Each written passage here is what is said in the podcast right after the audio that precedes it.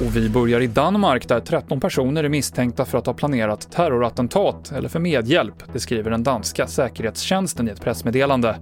De här personerna misstänks bland annat ha försökt skaffa ingredienser för att tillverka sprängmedel och det har bland annat gjorts gripanden i helgen i Holbäck, 6 mil väster om Köpenhamn, enligt lokala medier. Vi fortsätter med att berätta om en svensk världsmästare, för på skridsko-VM så vann Nils van der Poel från Trollhättan alldeles nyss guld på 5000 meter. Det är det första svenska skridskoguldet sedan 1973 enligt Aftonbladet. Mer om Nils van der Poels triumf på tv4.se. Och en ny medicin kan göra stor skillnad i hur man behandlar överviktiga i framtiden, hoppas forskare.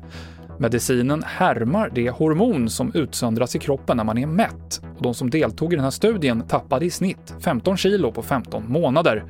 En forskare beskriver för BBC det här som en game changer för hur man behandlar fetma.